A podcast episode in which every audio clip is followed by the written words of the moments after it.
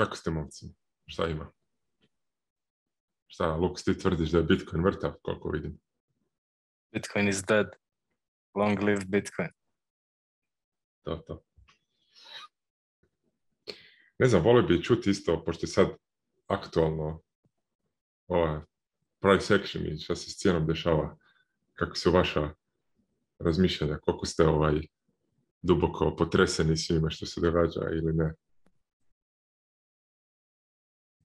A, pa, ja ne mislim da jesam baš. a, čekaj, izvedio mi se ovaj power cord. Um, meni nije baš nešto, mislim jeste čudno da cijena se spustila niže nego što je ono zadnja kao all time high bio, ali mm, meni je to još bolja stvar da Bitcoin prođe kroz tu uh, neku perspektivu koju ljudi možda imaju oko toga da misle da to neće se ili ne može se desiti. I onda se desi i Bitcoin preživi i onda posle godinu dvije ono postane samo kao stvar u istoriji kao te block wars od 2017. i različite te forkove ili bagove ili takve stvari. Mislim, ima dosta tog fada koji je Bitcoin prešao i to je još jedan korak um, ja mislim, tako, tako ja to gledam. Znači ne znamo kako će, koliko će dugo to biti, mislim, ja se osjećam sasvim ok sa cijenom te jeste i dat mi šansu da, da, da skupim još više, um, pa ćemo da vidimo. Stekaš više. Da. Upravo tako, da. Šta ti misliš? Pa, kad smo bili narasli na 60 soma, znači ja sam bio govorio baš friendovima da za ovaj ciklus mi smo Order of Magnitude napravili, znači puta 10, jednu nulu smo dodali ono, za stalno i praktički sljedeće 3-4 godine da ne pređemo 60 soma, a bilo bi sve u redu po meni. Ono. Tako da što niže to bolje za, za stakanje Jedini problem je što nemam dovoljno fijata koliko bih htio staviti. Ono. Da, ako si kao pravi bitcoiner, onda nemaš, nikad nećeš imati pun dosta fijata da, da uložiš. Da, ono, jer kad sam, čim se dobio plaću, ono, ta manje bio, bila dipčina, ono, uložio sam nešto, sljedeći dan opet dipčina i onda sam uložio sve što sam imao i onda je bila još veća dipčina. Evo, I sada Gledaj kako raste. To su one mimove kao dip, oko dipa i kako ima kao nivo eh, nivou, nivou oko toga. Baš je smešno. Kao kupiš dip i onda dođe ti još jedan veći, onda kupiš i taj dođe još jedan i veći posle toga. Ali tako, to, svi su prošli kroz to, ali na kraju osjećaš se dobro zato i kupuješ na sve te cijene. Znači, pa baš to. Ne misliš puno o tome. Koliko, e, e, šta vi mislite o onome što neki ekstremni bitcoineri e, spominju da treba napraviti je sva, sav mogući trošak smanjiti na nulu, ono, voziti stari, staru krntiju, imati razbijeni mobitel od prije pet godina, ništa novaca u banci jesti, što je jeftinije moguće, dakle život potpuno si minimizirati da bi se stekalo što više prije hiperbitcoinizacije, jer kao e, dugoročno svaki satoši će značiti, a pošto ih sad možemo dobivati na bacanje, koliko, preko 4000 satošija možemo dobiti za 1 dolar.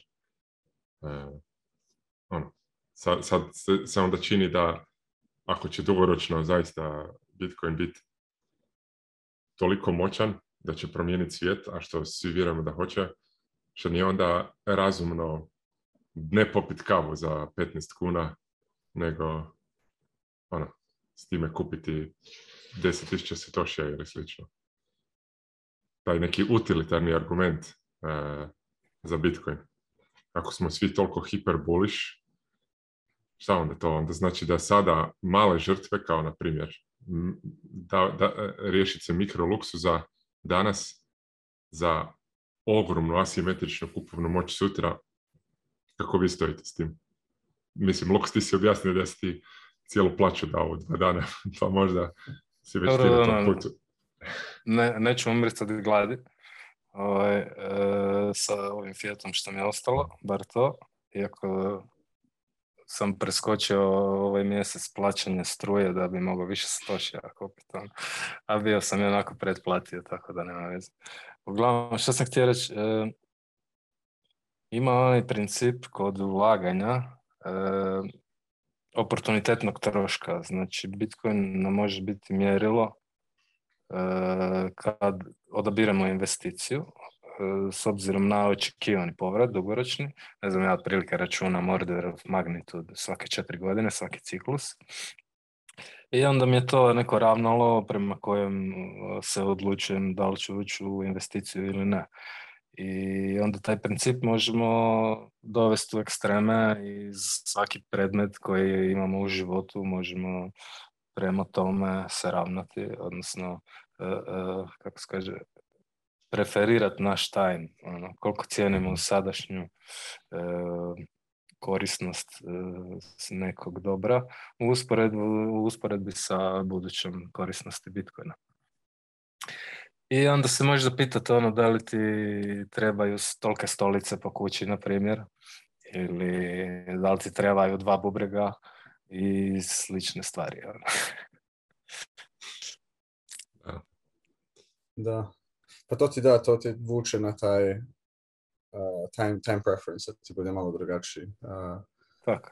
Zato ti stavi kao vrednost na to. Um, ali bi rekao kao ne zna se kad će biti ta vrednost. Znači ima kao discounts na, to, na toj cijeni, ne znam nije kako bi to rekao i ti, mislim mi znamo da će Bitcoin preko na primjer četiri godine ili pet godina uvijek je u, u plusu. Ne znam, ako pogledaš istoriju čitavu, možda je ono 200% godišnje bude kao prosječno. Uh, Bitcoin ide gore.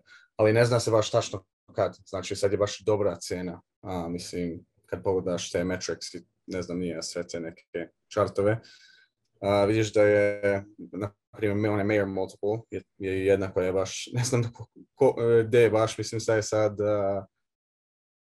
0,47 nešto tako, što je baš, baš nisko. Um, znači, dobra cijena da se kupuje. Um, ako se pogleda šta, čitava istorija. Možeš braš um, samo objasniti šta je taj Mayer Multiple? Mayer Multiple, ja u stvari moram da provjerim tačno šta je to. Ja mislim da to eh, je, ja mislim da je... Jednostavna kalkulacija. Um, što pročitam tačno da znam. Mislim da koristi se neki uh, moving day average, da, da, da Tako, 200 dana. 200 dana, da. Da, to je mhm. Bitcoin price uh, podijeljeno sa 200, uh, 200 dana taj um, e, proseč, moving average, ne znam kako to mm-hmm. prevedem tačno, uh, neki prosek koji se pomjera. Um, mm-hmm. Znači više puta se izračuna preko vremena i dobiješ tu neku liniju. Um, da pogledamo koji je sad broj tačno znači 0,53. Um, da vidim koliko puta je bilo toliko nisko. Znači, u stvari u 2018. u decembru je bilo tu, 2015. jednom i tu rano na početku 2012. Ali to je bilo kao više uh, volati, volat, volatility taj, tim ranijim godinama. Um, da, svako ima ono svoje odluke mora da napravi oko čega troši koliko hoće da uloži, to je neka uh, specifična stvar za, za svaku osobu. neki ljudi mogu ili imaju ono, Uh, ili imaju keša ili su mladi pa mogu da zarade u života. ako si stariji možda teže ti je da neke pare u, uložiš ako nemaš malo više. Znači svako je malo drugačije, znači svako mora da pomisli za sebe tu sposobnost oko tih financijskih stvari um, ne možeš da čekaš, ono, penziju ti država da, ili posao, ili takve stvari, to može sve se promijeni, znači, uh, na kraju moraš paziti za sebe, ako možeš neke pare uložiti, da imaš neku vjeru u tome, um, slobodno. mi bi naravno preporučili da vi to uradite, ali neki ljudi idu ono 100%. Uh, sad šta je najbolja, najbolji plan tu, nisam siguran, ali znam da kad uložiš neku sumu svaku nedelju, dvije, mjesec, dana, ne znam ja, um, bude ti lakše, zato ne misliš uopšte koliko ćeš uložiti kada da budeš kao trader, da, da praviš neke odluke da će zaraditi više, pro, probat ćeš da zaradiš više ili da kupiš više bitcoina nego što si mislio. Mislim i puno puta u prošlost kad pogledam, mogao sam da kupim mnogo, mnogo više ali ona svako kupuje na, na tu cenu koji uh, which they deserve. Um, znači, to tipično bude tako. Uh, kogod može sad u ovim vremenima da, da skupi kao uh, rosta, da, da kupuje neku, mislim imaju ljudi koji imaju dosta para, ali ja pričam za obične ljude, um, ono stvarno čestitam. Uh, i ponekad se, i kad se spusti cijena, neke ljudi pogledaju kao, oj, sad mogu ja da kupujem za to. Spustila se dosta, nisam htio Bitcoin da kupujem kad je bio 60.000, 40.000, a sad je ok, može 17, sad, sad bi kupio. A, neki ljudi su takvi isto. znači, ta akcija cijene gore-dole vuče ljude da, da pogledaju što se tu dešava. I tako se to već dešavalo godinama i dešavat će se, mislim, i u budućnosti isto. Ja bih dva, komentara dao ili dva pitanja za vas. Samo da odlučim koje ću prvo.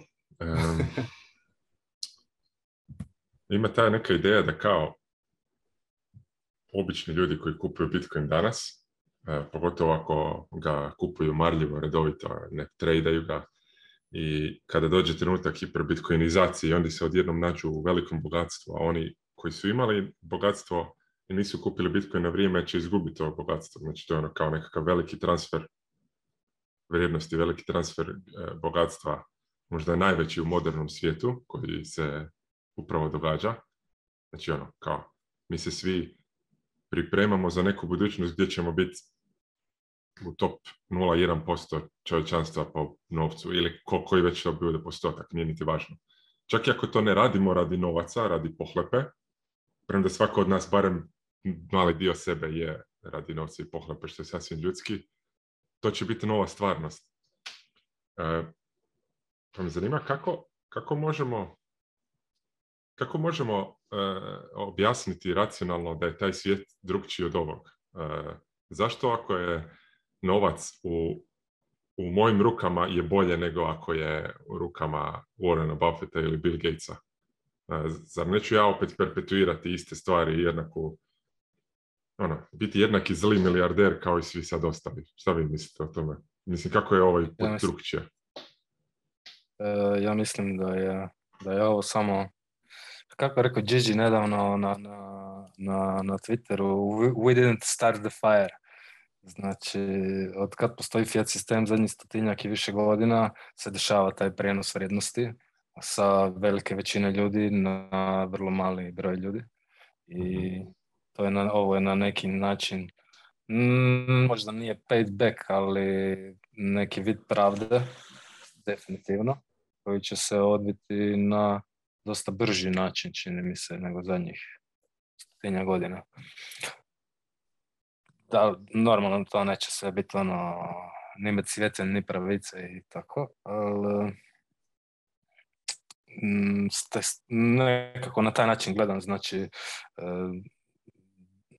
pošto smo svi zakinuti od s tim Fiat sustavom i naši roditelji i njihovi roditelji i na rješenja koja nam spremaju Bitcoin fixes this. Ali se nećemo mi onda samo poslati ti, postati ti ljudi koji sada imaju moć i koji ćemo zakidati druge. ne vidim kako bi zakidali druge dokle god je međusobni odnos na dobrovoljnoj bazi, bilo kakav, bez obzira koliko novaca neko ima. I ako Bitcoin, postigne, ako Bitcoin postigne to odvajanje e, države i novca, odnosno e, postigne da ljudi nemaju mogućnost kontroliranja novca u opticaju, to će biti dobro za svih, ono, ne samo za uske, uski dio bitcoinera koji danas imaju eh, neke značajne pozicije. Što mi se znači, čini ako da... Bitcoin postane standard, eh, Bitcoin je standard. Koga ne želi koristiti ne mora, ali ima tu priliku i nikoga ne tjera. Da. Pitanje je, mislim, onda kako će to da se desi, da li može uopšte da se predvidi kako brzo ili koliko godina ili kroz kojih, situacija. a mislim da je da, da, da Bitcoin je tu u stvari, to je odlična stvar, zato znači da ima opcija kad ono pukne taj sistem da neko će bar moći da pobegne um, iz njega. Uh, ne znam da li, li najveći igrači će moći to da urade, zato vrata trenutno, trenutno nisu toliko velika za njih. Oni moraju nekako metodično da to urade preko nekoliko godina ili da skupljaju to da niko ne zna. A, možda se to dešava, možda se ne dešava. To je kao osiguranje.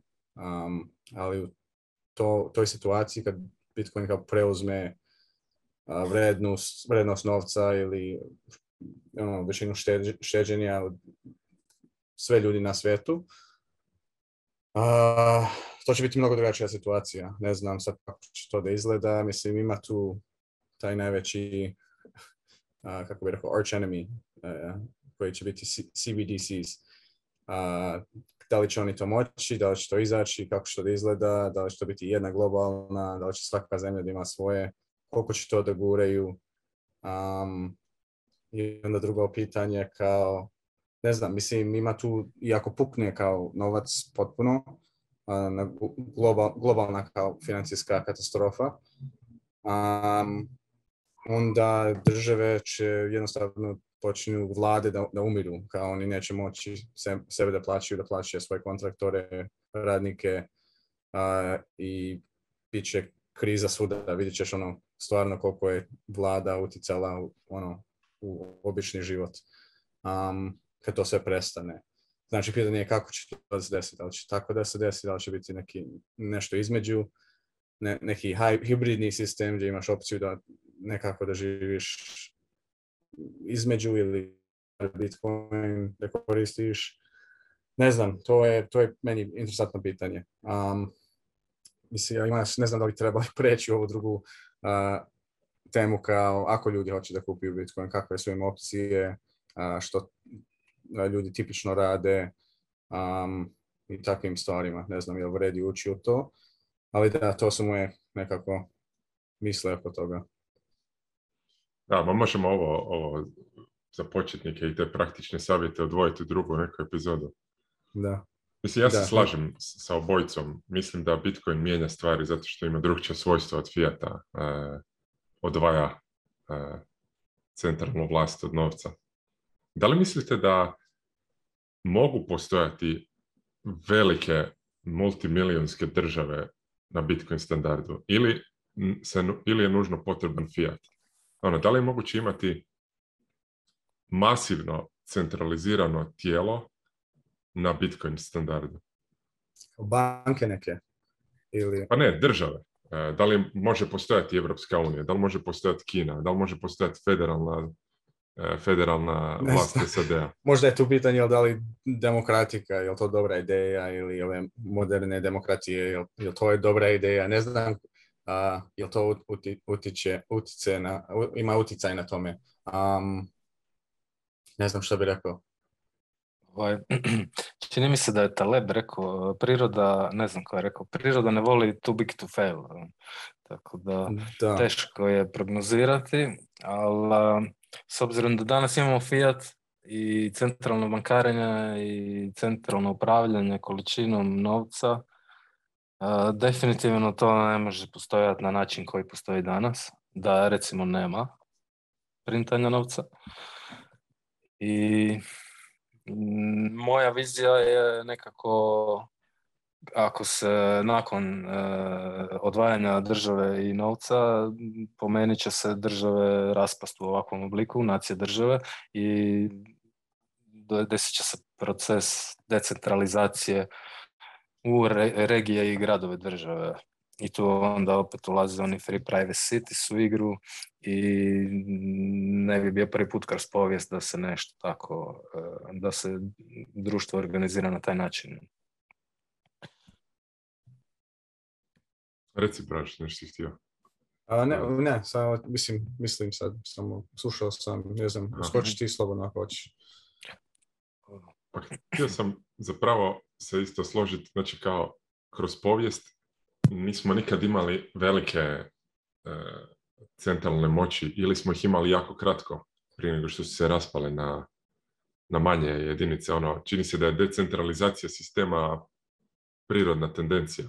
E, ono, bilo koji bilo koje velike države u povijesti, vlasti, carstva, republike, kako god. E, mislim, one na papiru kad mi čitamo, ne znam, o Rimskom carstvu koje je postojalo stotinama godina i bilo najmoćniji peri na svijetu, realno tu se radilo o nekoliko različitih vrsta upravljanja, o konstantno e, promjenjivim granicama e, perioda, ono, ne radi se tu nikad o monolitnoj jednoj sili koja je opstala toliko dugo bez ikakve promjene. E, tako da e, i uvijek su individualne pokrajine ili gradovi imali veliki, veliku autonomiju, čak i ako su u konačnici služili nekakvom kralju ili caru ili čemu, čemu već.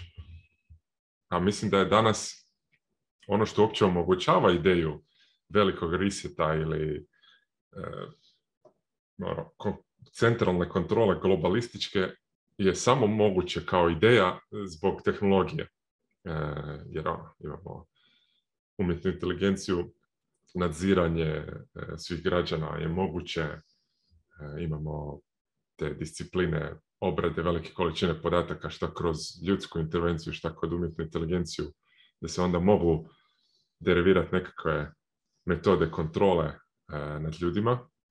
E, I to nekako radimo baš lijep miks između e, Huxleyovog i Orwellovog i Huxleyove i Orwellove ideje gdje imamo onako nekakav totalitaristički monitoring svih nas s jedne strane kao Orwell, ono, veliki brat, neni state i sve ostalo, a Huxley je u, u vrlo novom svijetu, Brave New World, pisao o toj kontroli kroz ono, gotovo kroz užitak ono, e, kruha i gara i ljudi će prihvatiti što god im se daje.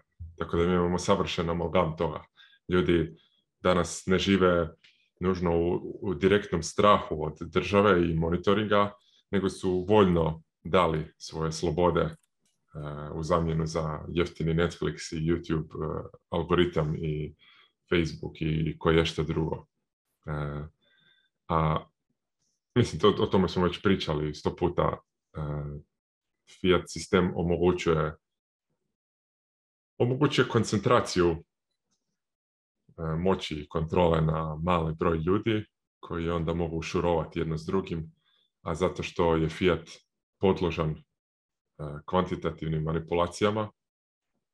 E, moguće je žrtvovati produktivnost tog sloja potpuno da bi se kontrola održala kroz jednu veliku iluziju. Ono kao čarobnjak iz Oza koji e, je ono, bog u Ozu dok se ne shvati da je to samo neki tip iza zavijese koji ima pojačivač glasa i ogledala da bi to izgledala sve veće nego što jeste.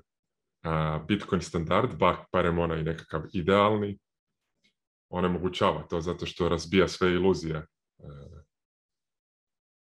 E, mene zanima isto, da li je moguće Bitcoin standard da se desi isto što i zlatnom standardu? Da jednostavno veliku većinu Bitcoina okupuju centralne institucije, centralizirane institucije i onda počnu po, na Bitcoin standardu izdavati svoje nove valute, da li to bili dolari, ili er, euri, ili dinari, kune, šta god. Ono, kažemo, oni su, e, Bitcoin je svjetska rezervna valuta, e, ali vi dalje možete koristiti naše eure koji su, eto, održani Bitcoinom, ali mi i dalje radimo fractional reserve i sve ostalo. Da li se može ponoviti ista stvar kao sa zlatom? Da li će se ponoviti ne znam, ali jednom sam čuo znači jedini, jedina šansa za dolar u papirnatom obliku da se spasi je da ga se pegira za Bitcoin. Isto vrijedi za kunu i euro. Znači, e, da bude, da ima pokriće u hard assetu. Ne? A, da li će se to desiti, čisto sumnjam. Iako ono, uvijek dobro je znati da imamo i tu opciju, čisto ako ono, e, da li tu, definitivno opet postoji opasnost za fractional reserve banking, ali možda se to može i protokolarno na neki način riješiti, da bude nemoguće e, imati fractional reserve. Tako da, ne znam, teško je predviđati. Da, teško, teško je vidjeti, ali mislim ima tehnologija da, ja mislim da to velika rizika, um, mislim, ne velika sad da treba da svako se boji od toga, ali to je zato Bitcoin je tako napravljen da ti možeš uh, da budeš sposoban za te, taj ključ, taj private key um, i da ti, ga štitiš ili koristiš. Uh, znači, zato je to dosta lako da mislim, obični čovjek uradi ako ima neki telefon ili kompjuter, to nije teško. A, a može dosta ono da pogreši, ali na kraju može se uraditi. A, sad je pitanje... A, čekaj, sad sam zaboravio što sam htio reći. But, um, a reci opet... Sve ćemo ovo, u post-productionu ću ovo sve Ma ne mora, ne mora. E, samo reci ono pitanje opet, e, pa ja opet da se... Kao, da li se može uh, e, desiti isti problem? da, da, da. Ima dosta rizike tu, ima dosta rizike tu, ali imamo kao taj tehnologija može ono na, na loše što si rekao, ne bi ovo globalno moglo uopšte da se izmisli bez tehnologije, ali sa druge strane tehnologija isto može da oslobađa. oslobađa. Znači, Bitcoin jeste na kraju tehnologija napravljena od različitih tehnologija a, i on kao je se kao može kao taj polarity da, da, se vidi taj kontrast između te dvije opcije. Um, mora da se pazi ljudi, treba i da koriste kao ili nešto možda slično kao Liquid, je ono kriptograf, graf, grafsko je potvrđeno da ne postoji više ne znam kako bi tranzicija izgledala, na primjer, da neka država zakači njihov dolar za Bitcoin. Bilo bi zanimljivo, možda bi vidio posle nekoliko godina kako oni sve manji i manji novac trebaju da vade, zato Bitcoin vredi toliko puno da njihov obični dolar je sad kao ono 100 dolara, 1000 dolara. Znači, mi u reverse bi išlo kao reverse inflation ako ga stvarno ono stave. Mislim, to jeste rizika na kraju, ali ako ljudi imaju opciju da ga vade, on bi oni bi trebali to da urade. Mislim da ima dosta toga već što su ljudi uradili, dosta toga što je već izgubljeno i taj koliko toga ima u, u te ratios kojima tko to drži, koliko ima na exchange-ima ili u, u custody neki, mislim, ne znam koliko ste brojeve, mislim da je milion, dva, nešto tako. Znači nije to mali broj. Ako je bila, na primjer, 50, 60, onda bi se počeo misliti da je nešto čudno se dešava. mislim, i prije toga, naravno, ali a da, to jeste rizika, ali mislim, postoji uvijek opcija da ti to preuzmeš kad si spreman. A, I to će se, nadam se da će lakše i lakše biti ali kad Bitcoin bude ono vredio više i više, onda će više ljudi tjeti da skamiraju i da ti ukradu. Znači, treba baš neka čitava host of, speed of technologies da se, da se strane isto uh, sa Bitcoinom, da se stvore oko slobode, da imamo taj alat kad, you know, kad, ta, kad država propadne potpuno, uh, da ljudi imaju taj alat koji im treba da, da, da da mogu da craju da niko ne špijuni, da sluša što, što pričaju ili da, ne znam, Bog zna šta, mislim da imaju jednostavno tu tehnologiju da mogu da žive um, i ta osnovna prava da, da čuvaju. Uh, ili ako koriste nešto kao 3D ono, um, štampanje uh, oružje, mislim svaki dan vidim nešto novo štampaju, uh, neki novi, novu, novu vrstu, znači to ljudi rade isto na open source-u znači otvoreno potpuno. Um, I bit će više više od toga, ne može to sad da se izgasi. Uh, to je informacija i što Gigi kaže, informacija hoće da bude slobodna. Um, znači ona kad je na internetu, ona svuda ode i ne znam sad baš tačno gdje živi, ali tu je. Um, znači ne, to je nekako se povezano tu, ali to jeste rizika na kraju da neki ljudi preuzmu isto kao zlato, ali ne mislim da je baš isti problem. Sa zlatom oni su, u stvari, mislim da jeste u stvari, to je isti problem. To sve, ako se skupi na jedno mjesto, onda oni mogu da odluče što god hoće. Um, može tu biti neki interesantan fork, ne znam, nija. uh, će forkuješ te adrese, potpuno, ne, to, to bi bila neka komplikovana borba, uh, fantazija neka, ali ne mislim da će biti baš tako. Um, zato znam uvijek kad ono pomislim kako će biti u godinu dvije, nikad ne mogu ono da pogodim. Znači, ne mislim da je iko još pogodio kako će, kako će ovo sve da se ono desi, ali mislim da imamo ono, generalno teme su nam tačne, samo ne znamo kako će brzo i specifično u neke lokacije, šta će tu da se dešava. Zato interesantno će biti, ono zanimljivo će da bude da sljedeće, ne znam, par godina da vidimo spomenuo si par vrlo zanimljivih stvari.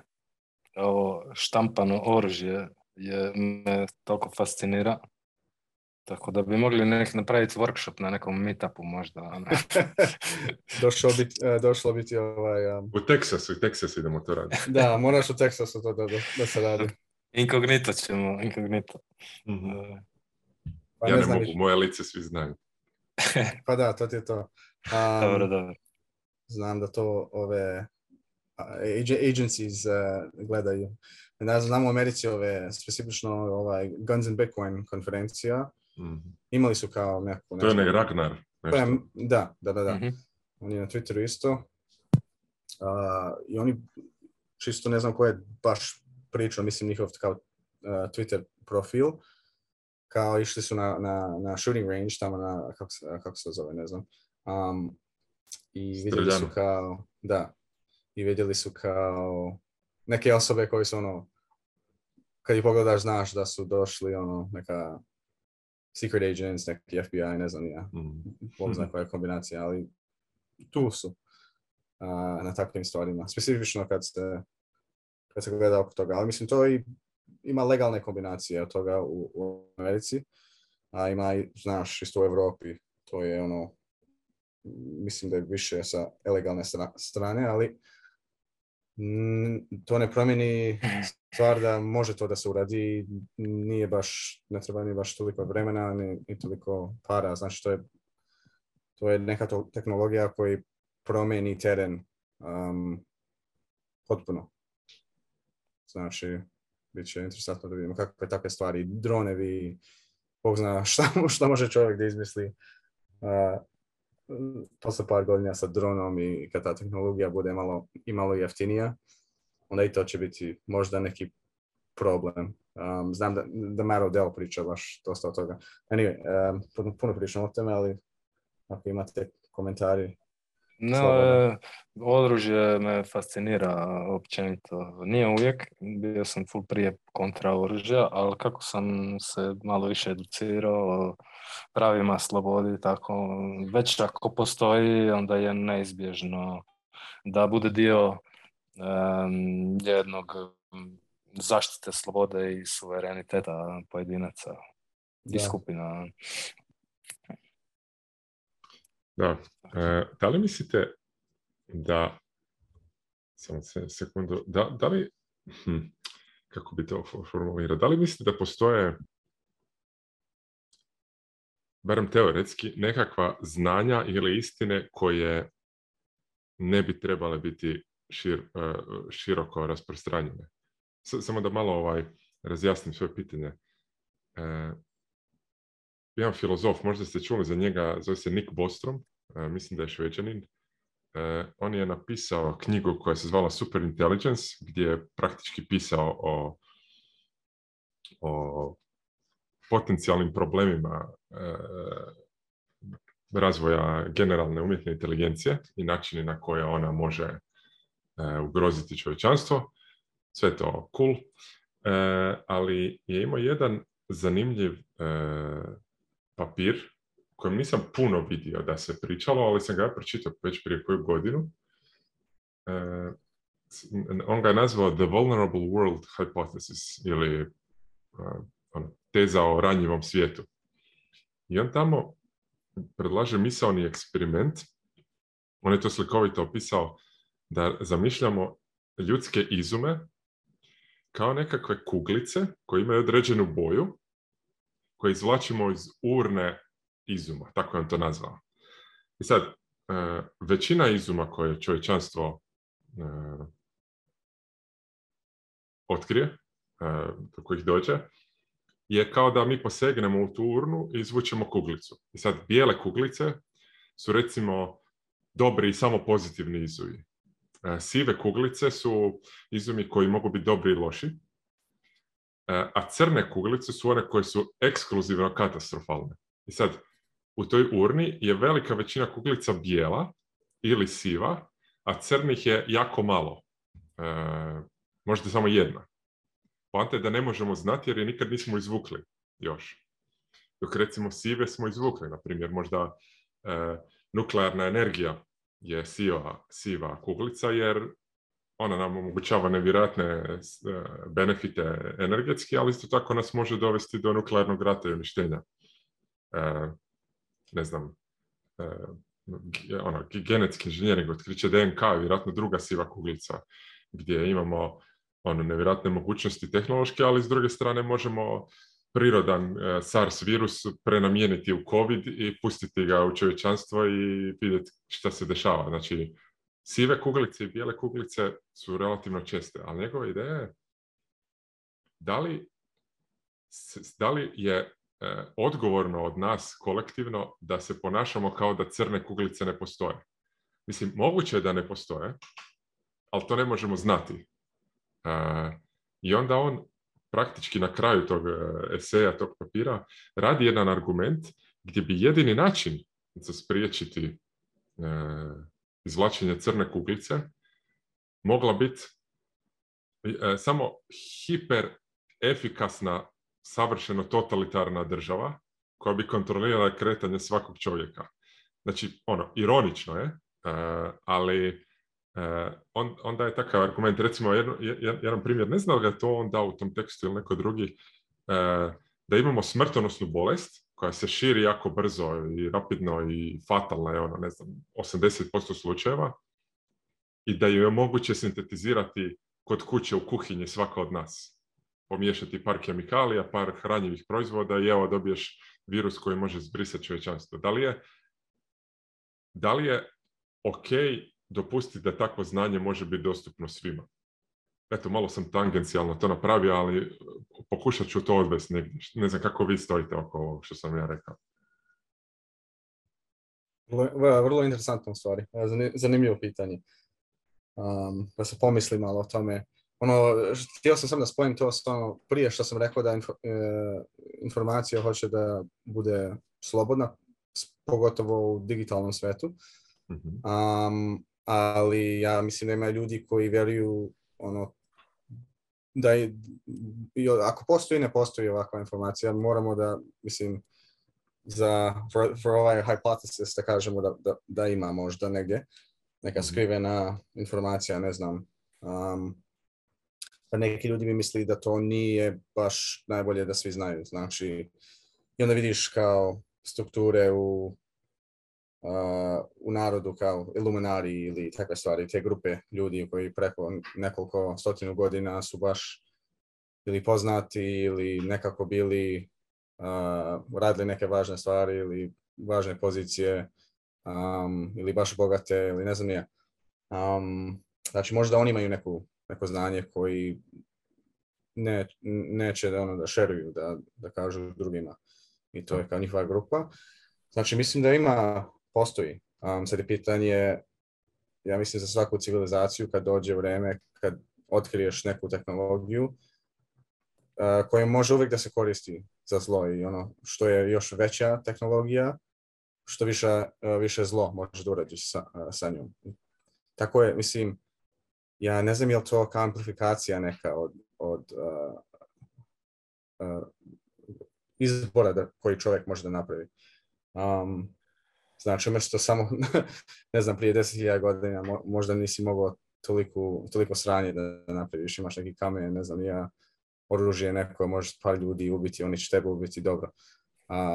I onda još veći budu te e, vojske i znam, to se sve uveća na kraju, ali imaš ono prije, ne znam, 70-80 godina dobiješ ono nuklearnu bombu koja može da zbriše ono milione za sekund i mislim da će oni da otkriju ili aktivno traže još veće. Mislim, ne znam koliko, koliko procenta energije sveta ono, potroši se na, tu, na taj cilj, ali sigurno nije nula. Um, I pitanje je da li će to moći. Valjda to će neko da otkrije neku kombinaciju nečega. Sad da svako ima tu opciju, ujebote, baš bi, baš bi morali biti ono,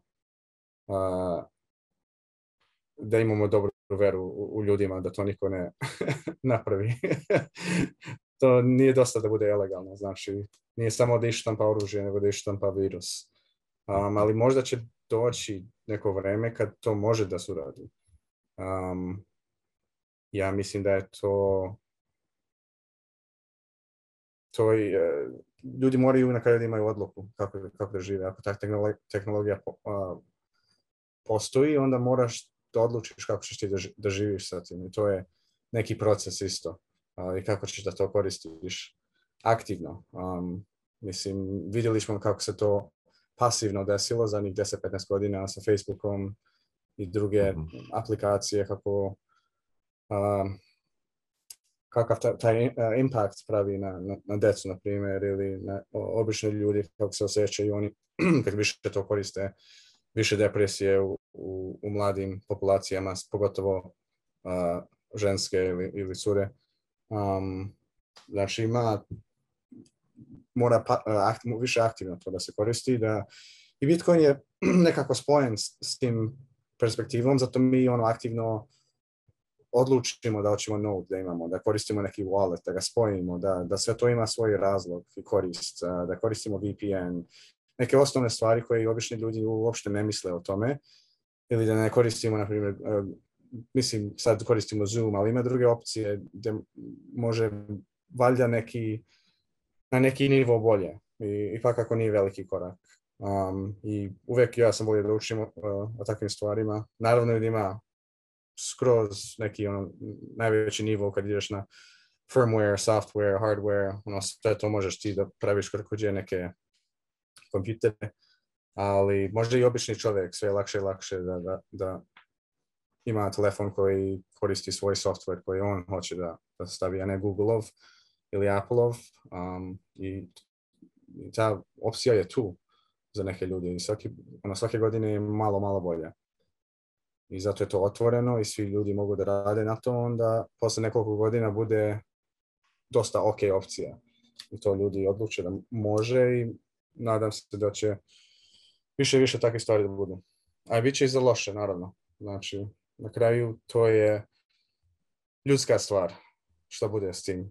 I sigurno dosta civilizacija ne prođu kroz taj, taj zid, ne znam. nešto, da, filter, da, može biti i to nešto tako spojeno s tim filterom. Ali treba isto da se pazi od, od svemirskih stvari, može nešto vrlo lako da dođe i da udari i završeno ono, restartujemo ne znam koliko godina.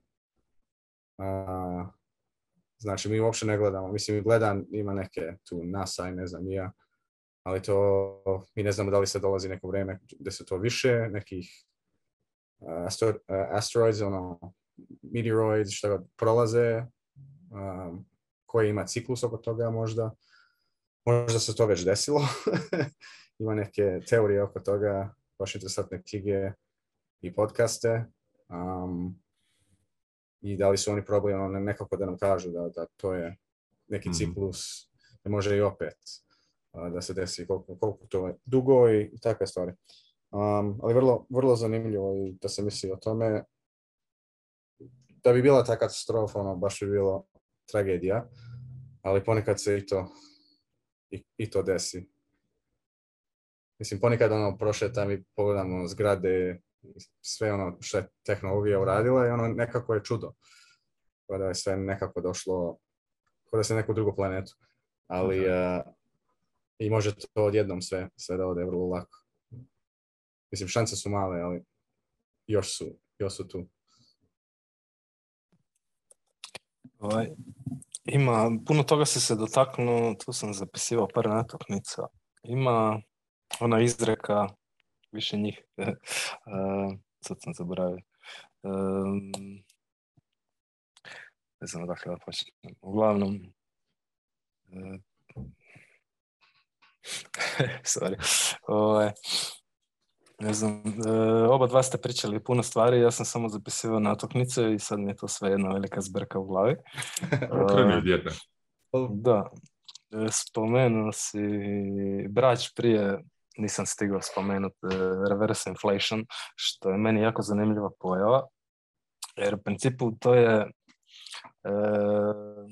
deflatorni učinak Bitcoina na cijene, i to je jedan veliki, možda najveći mentalni sklop koji ljudi moraju i biti će ono što prije naprave, što prije promijene, to bolje za njih da se priviknu da će im plaće s vremenom biti manje, ali da će im kupovna moć rasti.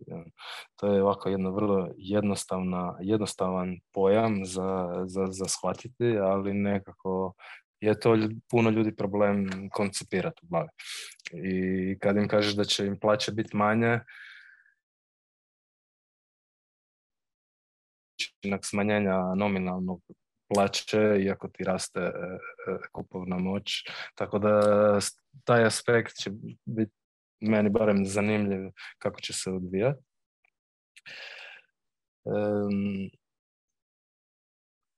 E, Druga e, stvar... ekonomiste, pogotovo kad im kaže što oni to ne vole, misle da će svi da umru. Hm. Niko neće da, da troši, svi će da se pare da drže u ono koliko Da, sve će propast, Meni se prodavati. Malo, glupo. E, upravo, ja kažem, upravo suprotno, posložit će se incentivi na zdrav način i ljudi će razmišljati što i kupuju i na što troše novce umjesto da e, bude neki konzumeristički mentalitet e, da se riješiš novca što prije moguće e, umjesto da ga se rješavaš imat ćeš, cijenit ćeš taj novac koji si zaradio i gledat kako će, ono, gledat što dugoročnije mhm. i na taj način donositi odluke. Druga stvar, što pričali ste dobro mogu preskočiti. E, znanje, znači, e, da li nekom treba dopustiti, da li treba dopustiti širokim masama neku vrstu znanja? Ja mislim da imamo upravo taj problem danas. Ne znam da ste čuli za Larkena Roza, Mark Pasio. Ovaj, to je jedna duboka zveća rupa koja se upao u zadnjih nekoliko mjeseci i ja sam apsolutni početnik glede toga, ali radi se o prirodnom pravu, o hijerarhiji prava, kako je u principu jedino, jedino pravilo je do no harm, znači ako ne postoji e, žrtva nek, ako ja nisam, ako recimo ja sad naštampam sebi oružje sa 3D printerom, nisam nikoga ozlijedio s tim oružjem, to je totalno pravna stvar, znači nisam počinio nikakav zločin i u, po hijerarhiji definiciji prava ja sam slobodan čovjek i zato se ne ide jednostavno nema nikakve kazne jer, nema žrtve. Druga stvar što mi živimo u, u trgovačkom pravu koji je po hijerarhiji niže i onda nam se i onda nam poduzeća korporacije određuju na koji način ćemo živjeti ali to je u principu određivanje jedino ako mi pristanemo na to svjesno ili nesvjesno to je jedna velika prevara na globalnom nivou e, cijeli sustav zdravstvenog osiguranja i država i i policije i tako dalje tako dalje jer jer jednostavno mi smo svojim rođenjem, naši roditelji su nas nesvjesno prijavili u sav sustav i mi nikad nismo dali svoju svjesnu svjesni pristanak na to i zbog same te činjenice to je sve protupravno. I mi se možemo sa tim znanjem i odlučnošću e, odvojiti jednostavno od toga. I to je jedna stvar e, koju koja, koja komplementira Bitcoin i mislim da je ubojita kombinacija e, to znanje e, odnosa prema sustavu i u principu koristiti sustav na način koji tebi koristi, a da ne, umjesto da budeš nesvjesna žrtva i pijun tog sustava. Tako da ima puno primjera, ja sam ja sam o tome čuo više puta slično kao Bitcoin, jedan duboka zeće rupa koja, koja na prvu izgleda dosta nestvarno, ali što, dulje, što dublje ulazim u nju, to mi se više sviđa i više toga učim i baš treba, to savjetujem svima, da se pozabave s time jer je jako korisna stvar i mislim da je jedno od rješenja da Bitcoin sam po sebi E, to se onda ima puno poveznica sa Bitcoinom. Na primjer, e, nedavno je bilo puno privacy fada, ono kako je Bitcoin padao. E, bio je jedan link u grupi isto, kako na primjer na Darknetu se sve manje i rijeđe koristi. Po drugim grupama sam isto malo primijetio kako se pojaču taj privacy fad, ja jednostavno tako zove.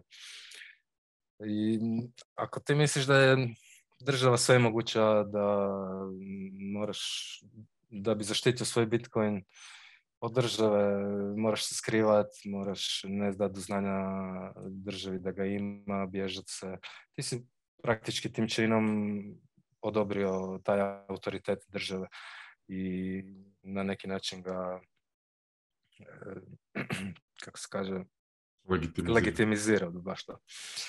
E, međutim, ako si svjestan svojih prava i način na koji pravo funkcionira, država nema nikakvo pravo tebi to uzimati, niti govoriti šti, šta da radiš sa svojim životom, e, općenito kamoli sa svojim bitcoinom.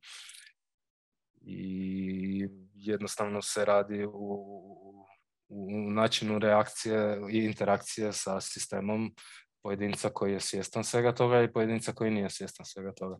Ako ti dođe policajac, na primjer, na cesti iz praznih džepove, daj mi sad bitcoin kojeg imaš na telefonu, ti mu kažeš jednostavno odjebi, to nije tvoj posao, nemaš nikakve jurisdikcije damnom jesam li uhićen, smijem li ja teći doviđenja. I praktički to izgleda ovako vrlo jednostavno i nestvarno, ali to funkcionira na taj način na primjer, ako se nađeš na sudu, a nisi uzrokovao nikome štetu fizičku, niti njegovog privatnog vlasništva, tebi sudac ništa ne može ako se dobro postaviš. Ima, e, ja sam početnik u svemu tome, nisam neki, neki pozvani da puno to objašnjavam, ali mislim da je jako bitna i zanimljiva tema i ima puno primjera i sve više na netu, ima na YouTube channela i na Telegramu grupa i na našem jeziku u vezi toga i to znanje se isto širi nekako na paralelni način. Mhm. E, Je to kao, to filozofija neka ili to kao neki rebe kao taj austrijski ekonomija, ovaj, pa, Austrian economics. Da, više, više, više sličnije kao austrijska škola ekonomije, zato jer je to škola prava. To je, to je znanje e, poznato tisućama godina, nije to ništa novo. I, međutim, to znanje u javnom školstvu se ne uči i mi smo u principu odruđenja u, u toj jednoj velikoj prevari koja se zove zdravstveno osiguranje i, i, i porezi, jer u principu to je sve jedan vid e, roba vlasništva i ako, ako ti nisi vlasnik svoje imovine, svojega tijela, svoje plaće, svojeg zdravlja na kraju krajeva e, vlasnik je neko drugi, znači, znači da si njegov rob praktički. Iz toga ispada da su, da je ovaj sustav država doslovno e, moderno robovlasništvo. Da. I Bitcoin fixes it is, this, e, jer e, je u principu taj fiat novac koji nastaje kod dug, njihov najmoćniji alat u, to, u toj velikoj prevari. I, nije jedini, ima tu i, i, svi dokumenti od države, znači država koja nam izdaje dokumente, ti, ako čim si se ti morao registrirati negdje da postojiš, ti nisi slobodan čovjek. Da. Znači, ako nemaš pravo slobodnog postojanja bez nekakve registracije, ne možeš tvrditi da si slobodan čovjek. E, svaka dozvola, svaki license, svako ono, je određeno pravo koje ti država ukrala i da bi te, da kontrolirala i izvukla novce od tebe, da bi ti ga prodala. Da. to je sve u etosu Bitcoina i to je usko povezano s Bitcoinom i, rijetki su ti ljudi koji kuže i jednu i drugu stranu, i Bitcoin stranu stvari i, i pravnu stranu stvari. I kad ih nađeš su ono zanimljive pojave. Je li to na engleskom kao natural rights? Mm. Natural law, yeah. Uh, natural law, oh, okay. yeah, yeah. Znači, ima, e, već kad sam spomenuo te ljude koji kuže i jednu i drugu stranu stvari, um, moj uh, nezvanični mentor se zove, biti njegov nick je Dartcoin i mogu šerati mm jedan link, ima na Substacku uh, dosta gajdova je napravio. Leki je inače malo stari 50-godišnjak, ali je cijeli život u IT-u, nije programer, ali je više na ljudskoj strani i ono pisanju gajdova i specifikacije takve stvari.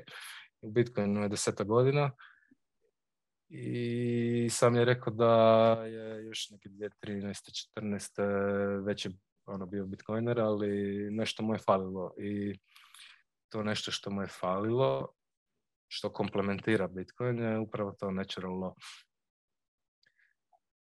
I praktički spomenuli ste prije kako postoji znanje, neko znanje koje nije široko poznato i upravo se tu o tome radi.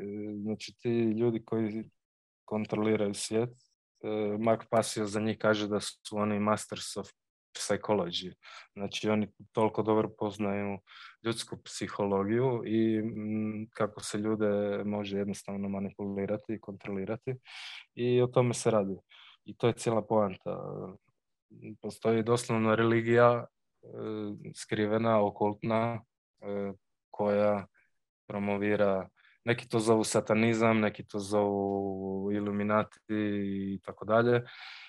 Međutim, to je doslovno religija, sustav vjerovanja, kako su neki ljudi bolji od drugih i treba ih, i odnosno baš da postoji rasa koja je predodređena za upravljanje tom nižem rasom. To nije ništa novo, to postoji tisuća godina, to je ljudska priroda izgleda i Bitcoin fixes almost everything. Zanimljivo mi je.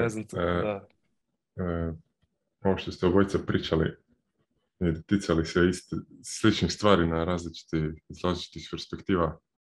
E, kao da uvijek opet onako e, fraktalno se uvijek pojavljuje ta ideja da skoro svi problemi ljudske prirode, a čak možda i kozmičke su puno jači u centraliziranom sustavu i ne znam, E, log pričaš o tome, o, toj, o individualnim prirodnim pravima e, i koliko je na neki način, sad je malo interpretiram, ali koliko je na neki način individualna sloboda iznad svega i onda ako i pričamo o tim znanjima koja su nedostupna svima, koja su možda i opasna, kao nikad nije vrijedno e, nikog, ničega zatomiti i zarobiti čovečanstvo u ime nekakve sigurnosti, sloboda je jednostavno bitnija. I ono kao, daj mi slobodu ili daj mi smrt i nema treće. E, samo što mi evo se polako pokušavamo izboriti za to kroz koji god način znamo, zato što smo i rođeni u to. Mi nismo rođeni kao slobodni ljudi.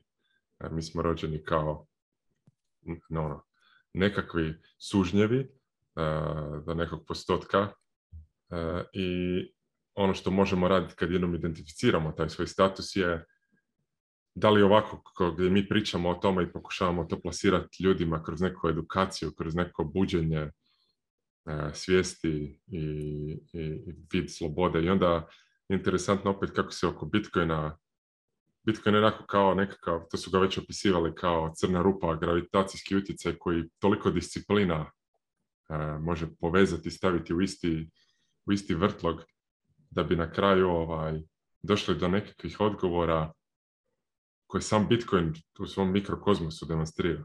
Mislim, ja sam isto razmišljao o ovom pitanju koje sam postavio i kao, ono, što bi se desilo ako izumimo nešto što može zbrisati čovječanstvo ili brad, što je spominjao, može nas uvijek pogoditi komet i zbrisati sa zemlje. A čak bih rekao da Bitcoin i to E, rješava zato što spominjali ste kako u fiat sistemu se novac nema neku veliku vrijednost i onda su sva i ulaganja i u nove tehnologije, nove izume su onako frivolous, kako bi se reklo, banalna. E, e, ide novac u razvoj nekakvih bez, bezveznih fičera socijalnih mreža ili Web3 ili takve nekakve užase. A jednom kada novac bude popravljen, ono, e, novac bude kvalitetan, onda možemo razvijati tehnologije koje su od dugoročnog benefita za čovječanstvo, ono, raketne tehnologije, e, tehnologije izuma materijala da možemo se širiti po sunčevom sustavu i šire. I, i opet Bitcoin posredno će rješavati problem gdje netko znanje ili nekakav komet može sve nas uništiti. Zašto? Zato što smo centralizirani. ako se mi doslovno decentraliziramo fizički u sunčevom sustavu, onda smo toliko otporni na bilo kakvu pandemiju ili rat ili komet ili bilo šta treće. Znači, čak i samo mijenjanje incentiva za daljnji razvoj tehnologije i izuma e, nas čini otpornijim na katastrofalne izume na neki način. Znači, danas smo izumili, no, danas imamo mogućnost genetske manipulacije bolestima i, i nuklearnu energiju, ali opet ako mi živimo na 20 različitih planeta, mjeseci, svemirskih stanica u sunčevom sustavu, mi smo toliko jednostavno otporni. Svaka, svaka od tih kolonija je jedan nod na decentraliziranoj mreži čovječanstva.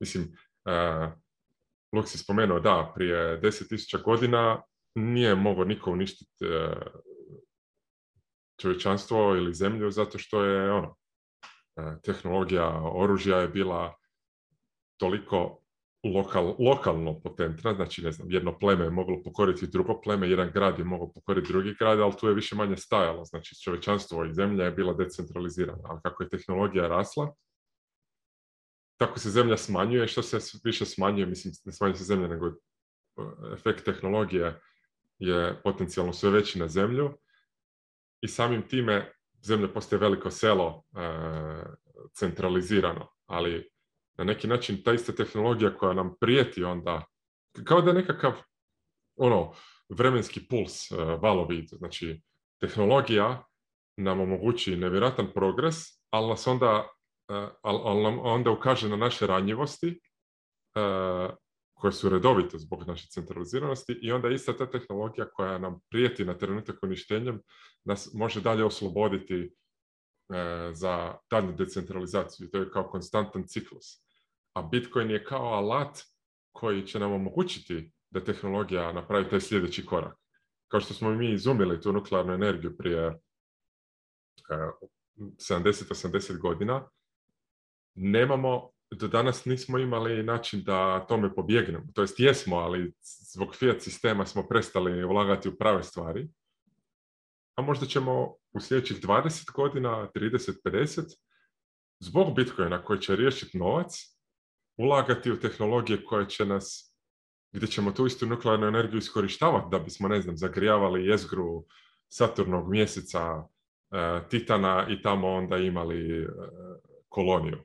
E, gdje, mislim, ono, kao da je Bitcoin komplement ne samo našoj psihologiji i tom time preference i svemu, nego doslovno i tehnološkom progresu u 21. stoljeću i on sam je izum, jedan od tih izuma iz te urne izuma gdje ono, sada mi pričamo danas o toj individualnom ono, korištenju Bitcoina, ljudi misle da je to još uvijek investicija, ljudi samo špekuliraju s Bitcoinom, a on doslovno može posredno ili neposredno kroz do kraja stoljeća ono, otključati potencijal ljudske rase na vrlo jasno e, objašnjiv način. Nije niti sad da mi govorimo, a ne znam, Bitcoin će napraviti da 2100. putujemo na rub e, kozmosa, nego doslovno jasan je put do tamo. E, tako da, ne znam, meni je to onako malo, malo znam otkidati na to i otići predaleko, ali eto, to je neki moj, ne, ne bi rekao rent, jer mislim da je dosta optimističan, ali, ali ne znam, uzbudljiva mi je ta budućnost, gdje sada nam obećava oslobođenje od sužanstva, a dugoročno nam omogućava doslovno šta god poželimo, u, u, šta god je moguće za, ograničeno zakonima fizike i koje, koje čega. Da, da vidimo koja čuda postoje. A, baš, ali baš je u pravu. kad ljudi imaju neki novac koji vredi više i više posle nekog vremena, oni Uh, ponekad daju te pare, na primjer, ne znam, ono, ono vreme što, što se zvalo kao Golden Age. ljudi su tipično postajalo neka ideja oko patron. Neko ko mhm. daje novac nekom umetniku ili nešto tako, da on radi na tome duže vremena. I mhm. pogledaš sve te, tu, zgrade koje, koje su napravljene u to vreme, crkve, državne zgrade, ne znam, ogromne kuće i kako to izgleda i kako je ono ljepota im je značila nešto. Um, znači oni su to radili ne zato i jeftino ili brzo, nego zato htjeli su da naprave nešto što će da izdrži. I to je isto ista ideja oko toga, na primjer, neki, na primjer da idemo na, da živimo u nekom svijetu koji gdje Bitcoin standard bi bio uh, realnost, a neko bi došao ko bi imao dosta Bitcoina i sretno bi možda nekog karaktera koji ima neke ideje oko, da se, na primjer, da se gleda da li ima neki uh, asteroid, comet ili nešto tako, neki, neki science, research, ne znam. I on bi mogao da odvoji neki dio tih para, da, da čovjek da to odradi. Uh, zato to nije velika suma, ali može baš dobro, dobar utjecaj da ima. to može da se gleda kao charity ili nešto slično, ali interesantno je da se vidi u svetu kad imaš taj, te tvrde pare a, koje neko ne može da štampa i kad ljudi štede, štedu te pare, onda to nešto znači, posle nekog vremena to im čuva tu energiju koju su oni potrošili da to zarade ili šta god su prodali servis prodali ili šta god, um, onda to ima kao utjecaj uh, na kakve odluke oni naprave i kasnije. Uh, I meni ono zanimljivo to da se vidi stvarno i, vidi se da ima više toga kad ima taj standard oko, oko valute ili oko novca. Uh, I baš to vrijeme, ne znam koliko je to dugo bilo, 200, 300 godina, valjda, valjda je manje od toga. zlato je bio kao standard, ali su se koristili dosta privatnih novca, da su te banke, tipično neke familije ili privatne banke, oni su izdavali kao novčić ili se zlato koristilo. Um, ja ne znam kad su baš uš, ušao taj onaj papirni novac u slici, um, ali bilo je neko vrijeme gdje je to sve zajedno uh, postojalo, ali njihova reputacija, znaš ako ode, onda niko neće da koristi tu banku više i naravno imaš te probleme da mogu, mogu da štampaju, ali možda je kultura bila drugačija, to je bila, oni nisu mogli to da rade osnovno, zato je bila konkurencija oko toga, sigurno, sigurno druge familije, druge grupe koji su bili kao protivnih. I onda posle nekog vremena, mislim u 18. veku, da su države, pre, počeli da preuzmu kontrolu oko novca. I bukvalno mi živimo u tom fiat novac clown world, već uh, neki bi rekli možda do, do, do 100 godina, um, ali neki 50, ako pogledaš uh, 19, ako stvorenje, na primjer, fe, fe, uh, federalnog uh, rezerva u Americi, to ti je, mislim, 1912. bilo, ili 13. 13. 13. da, da, da. I to ti je bukvalno blizu, blizu 100 godina tu, znači Znači, prije su bile sigurno pokrete.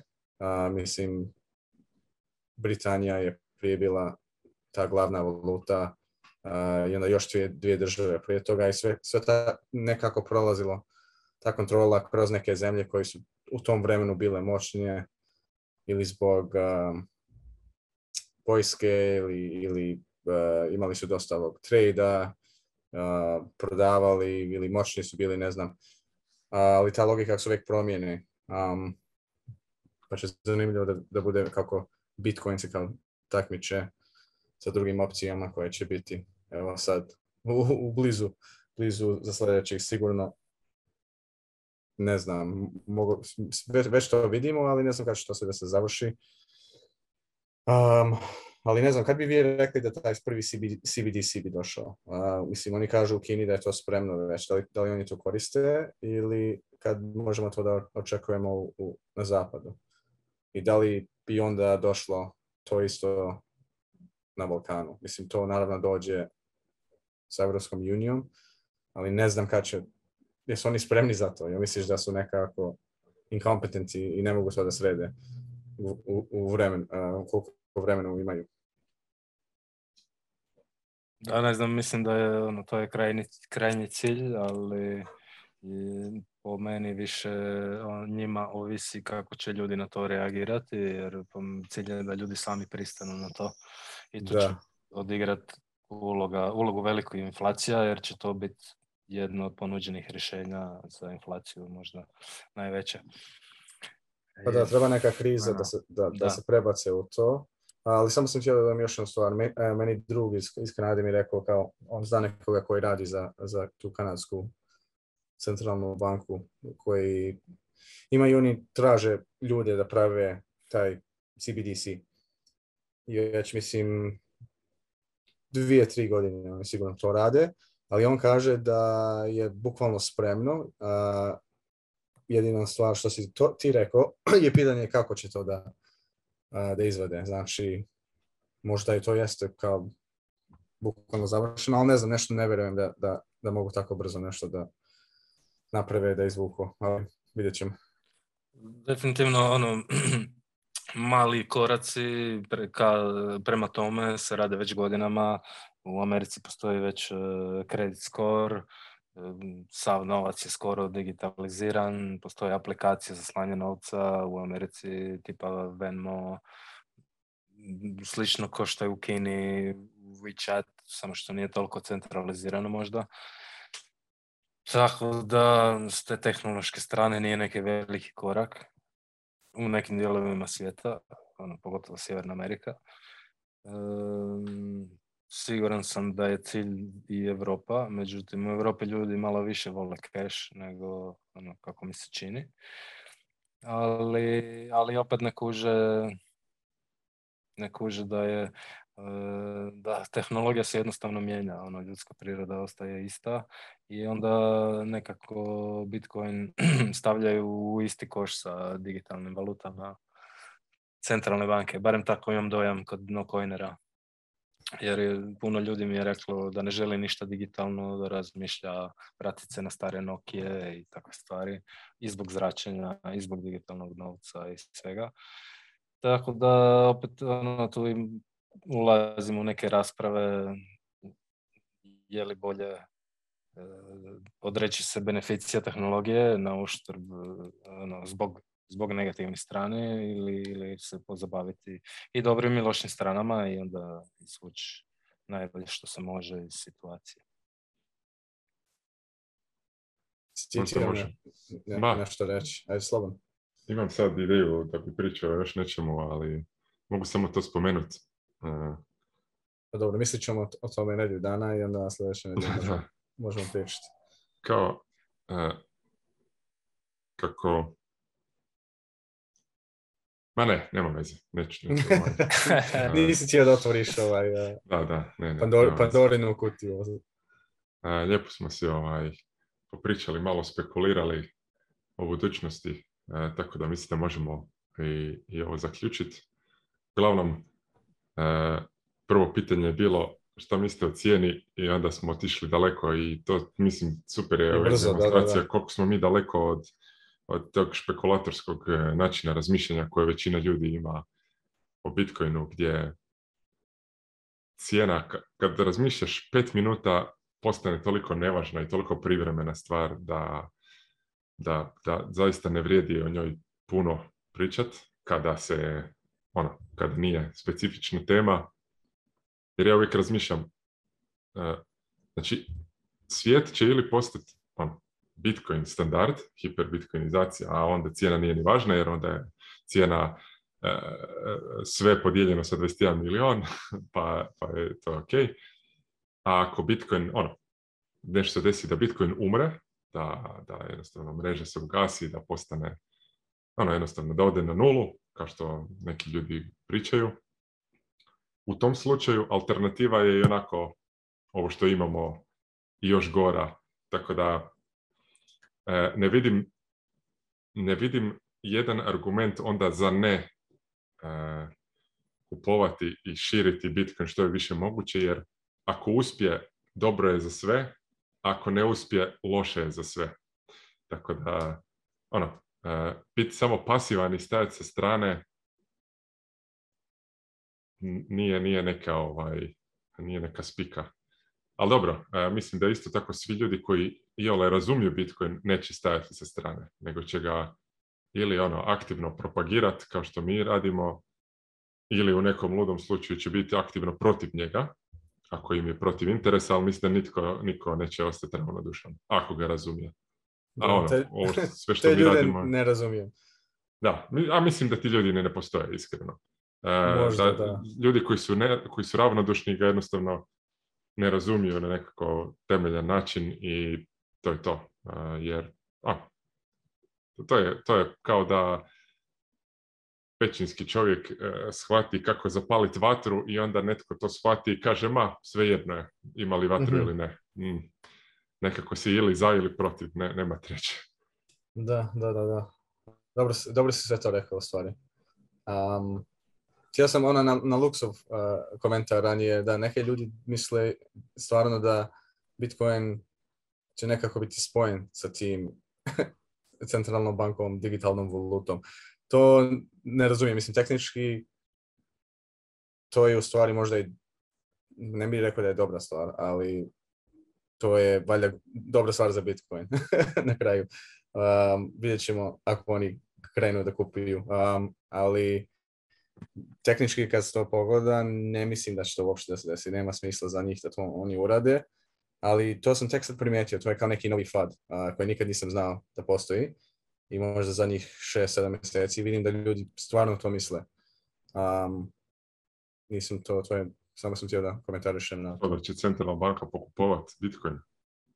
Pa ne, da, da, da Bitcoin će biti kao spojen sa tom idejom, Aha.